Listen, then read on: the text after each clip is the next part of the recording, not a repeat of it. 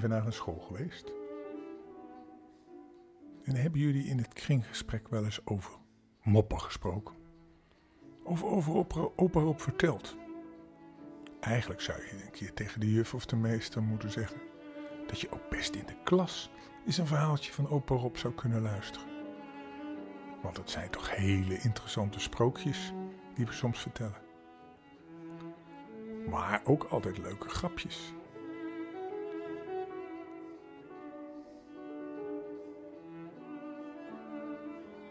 Bijvoorbeeld, Jantje vraagt aan zijn vader: Mag ik wat zeggen?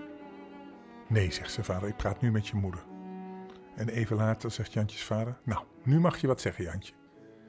Ja, nu is het te laat, nu heb je die slak al opgegeten.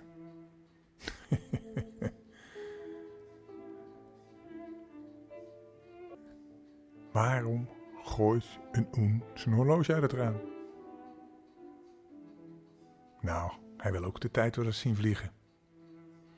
En weet je waarom een oen water over zijn computer gooit? Dan kan hij ook een keertje over internet surfen.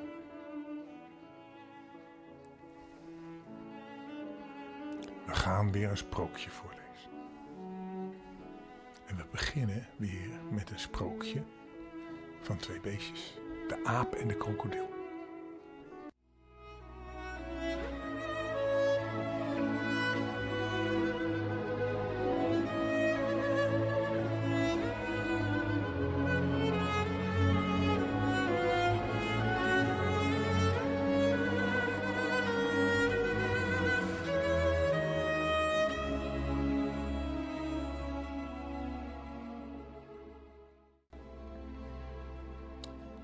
Heel lang geleden werd in Bodhisattva.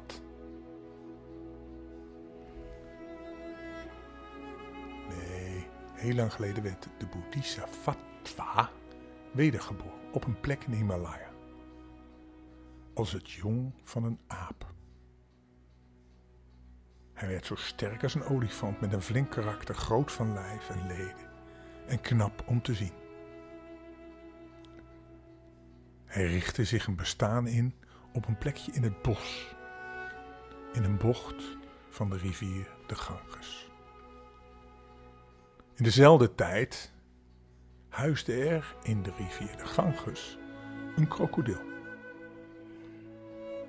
En het geschiedde dat het wijfje van de krokodil, toen zij het lijf van de Bodhisattva zag, een ziekelijk verlangen kreeg in zijn hartenvlees. Ze wilde zijn hart opeten.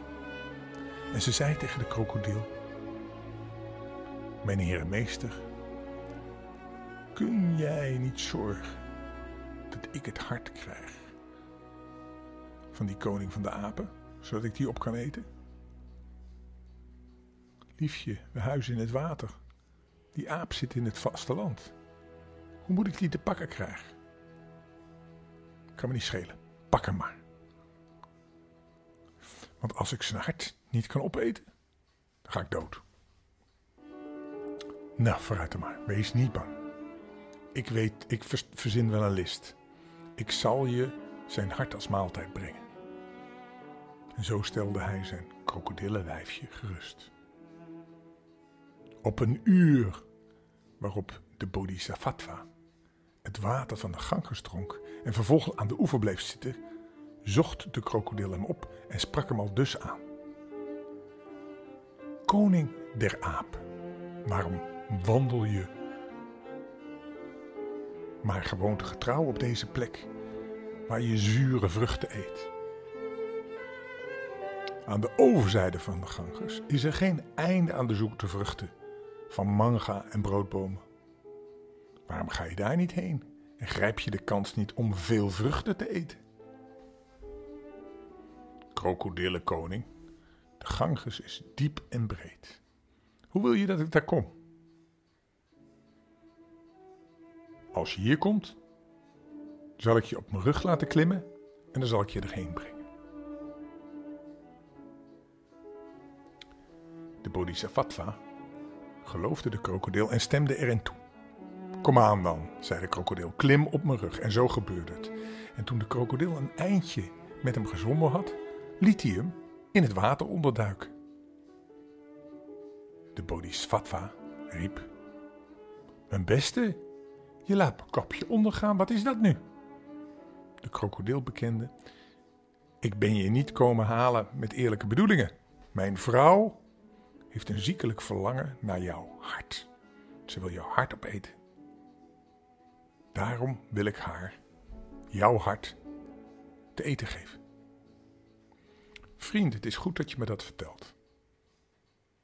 Want als ons hart in onze borst zit, zou het breken als ons langs de toppen der boomtoppen voortreppen. Maar waar laten jullie je hart dan? De Bodhisattva wees hem een vijgenboom, die niet ver weg stond, beladen was met tro, trossen rijpe vruchten. Kijk, zei onze harten hangen aan die vijgenboom. En als je mij hart geeft, zal ik je niet doden.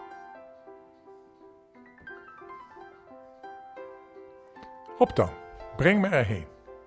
Ik zal je mijn hart geven dat aan de boom hangt. En zo deed de krokodil het. De bodhisattva nam een sprong van zijn rug en zat in de vijgenboom. Mijn beste, domme krokodil, zei hij. Je dacht dat je de harten van de apen in de boom toch zag hangen. Je bent een domoor. Ik heb je voor de mal gehouden.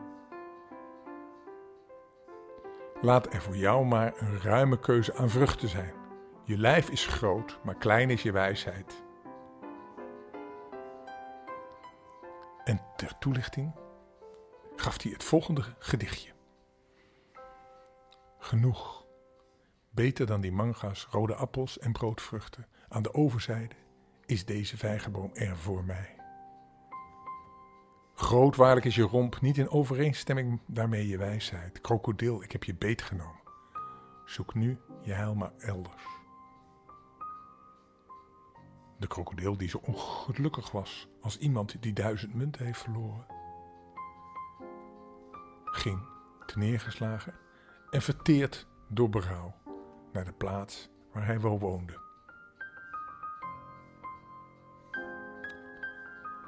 Dit is een boeddhistisch sprookje. Dat komt uit de Himalaya. Daar geloven ze dat je als je dood bent wedergeboren wordt op een andere manier. Dus Boeddha wordt een aap. En een aap wordt een hond en een mens wordt een aap. Maar een krokodil is dom. Die begrijpt er niks van. Ik heb nog een klein verhaaltje over heksen. Heksen op de koffie. Meneer Meijermans was schrijver. Hij schreef hele lange verhalen over heksenkabouters. Iedereen was dol op zijn verhalen. En zijn grootste fan was nog wel zijn poes, Wips. Meneer Meijermans las, als hij een verhaal af had, altijd eerst zijn verhaal voor aan Wips, de poes. Wips wist zeker dat meneer Meijermans geen leugens schreef. Hij moest het allemaal. Hij moest het allemaal zelf wel gezien hebben. Want hij wist altijd alle details. Wips was trots op zijn baas. Want niet veel poezen hebben een baas die heksen en schouder en kabouters kent. Op een avond lag Wips lekker in zijn mandje. Meijermans zat te schrijven en ineens werd er op de deur geklopt. Nog voor Meijermans kon opstaan om open te doen, vloog de deur open. En stonden er ineens twee heksen in de kamer. Ze hadden een bezem onder hun armen. Meneer Meijermans trok wit weg in zijn gezicht en de heksen zeiden: we willen eens even zeggen dat we het zat zijn dat jij zoveel onzin over ons vertelt. Al die verhalen die slaan helemaal nergens op. Oeh, wat was de schrijver bang. Hij kroop onder een tafel. Ga weg, ga toch weg, zei hij bang. Nu snapte Wips wat er aan de hand was. Zijn baas wist helemaal niets over heksen en kabouters. Hij had het allemaal verzonnen en nu waren de heksen natuurlijk boos geworden. De heksen gingen nog niet weg en om meneer Meijermans nog een beetje extra te pesten, kropen ze bij hem onder de tafel. Gezellig hè, Jutta? Zo met z'n allen onder de tafel, zei de ene heks tegen de andere. Nou, nu moet die meneer wel luisteren. Zullen we maar beginnen dan, Jula? Begin jij dan maar. Dan ga ik even een kopje koffie zetten in de keuken. Ik heb wel dorst gekregen van al dat vliegen. Jutta kroop onder de tafel vandaan en Jula ging meneer Meijermans vertellen dat het allemaal niet waar was. We eten geen spinnenweb pannenkoek. En zeker eten we geen jonge lammetjes. Hoe kom je daar toch bij? We dansen op feesten nooit de heksenpolka, maar de heksenwals. Dus dat wil ik ook nooit meer in een van je boeken zien. Toen kwam Jutta uit de keuken terug. Hij heeft niet eens een keutelbonen koffie. Alleen maar gewone. Die lust ik niet, zei ze, een beetje verontwaardigd. Ze kroop zonder koffie weer onder de tafel. Om meneer Meijermans nog een beetje te pesten, trokken ze om beurten aan zijn benen, zijn armen en zijn haar. Meneer Meijermans was nog nooit zo bang geweest. En Wips, de poes, zag alles vanuit zijn mandje. Hij zag best dat de heksen helemaal niet gemeen waren. Hij snapte niet dat meneer Meijermans zo bang was. Opeens schoot meneer Meijermans onder de tafel vandaan en kroop onder de bank. De heksen moesten heel hard lachen, omdat ze nog nooit zo'n bang mensje gezien hadden. Meijermans, we gaan zo weg hoor, zei Jula. Terwijl ze samen met Jula onder de tafel vandaan kwam. En onder de bank kroop, lekker dicht tegen meneer Meijermans aan. Maar eerst moeten we nog even zeker weten dat je niet nog meer van die onzin gaat vertellen. Meijerman stamelde dat hij dat beloofde. De heksen waren tevreden en lachend kropen ze onder de bank vandaan. Ze pakten hun bezems en weg waren ze.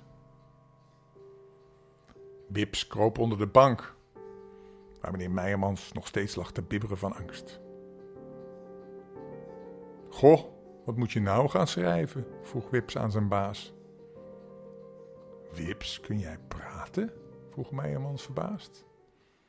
Dat had hij niet geweten. Weet je wat, zei Wips? Als je nu eens een poezenverhaal ging opschrijven, daar kan ik je mooi bij helpen. En dat was een reuze goed idee. Vanuit toen maakte Meijermans de mooiste poezenverhalen. En de heksen waren daar ook blij mee. Ze zijn in ieder geval nooit meer bij hem op de koffie geweest. Nou, is dat nou geen grappig verhaaltje over heksen? Een bezoekje van twee heksen die op de koffie komen. Op de heksenkeutelkoffie, maar die is er niet. Leuk hè? Absoluut leuk. Ik vind het grappig. Laten we nu maar lekker gaan slapen. Welterusten. Dag.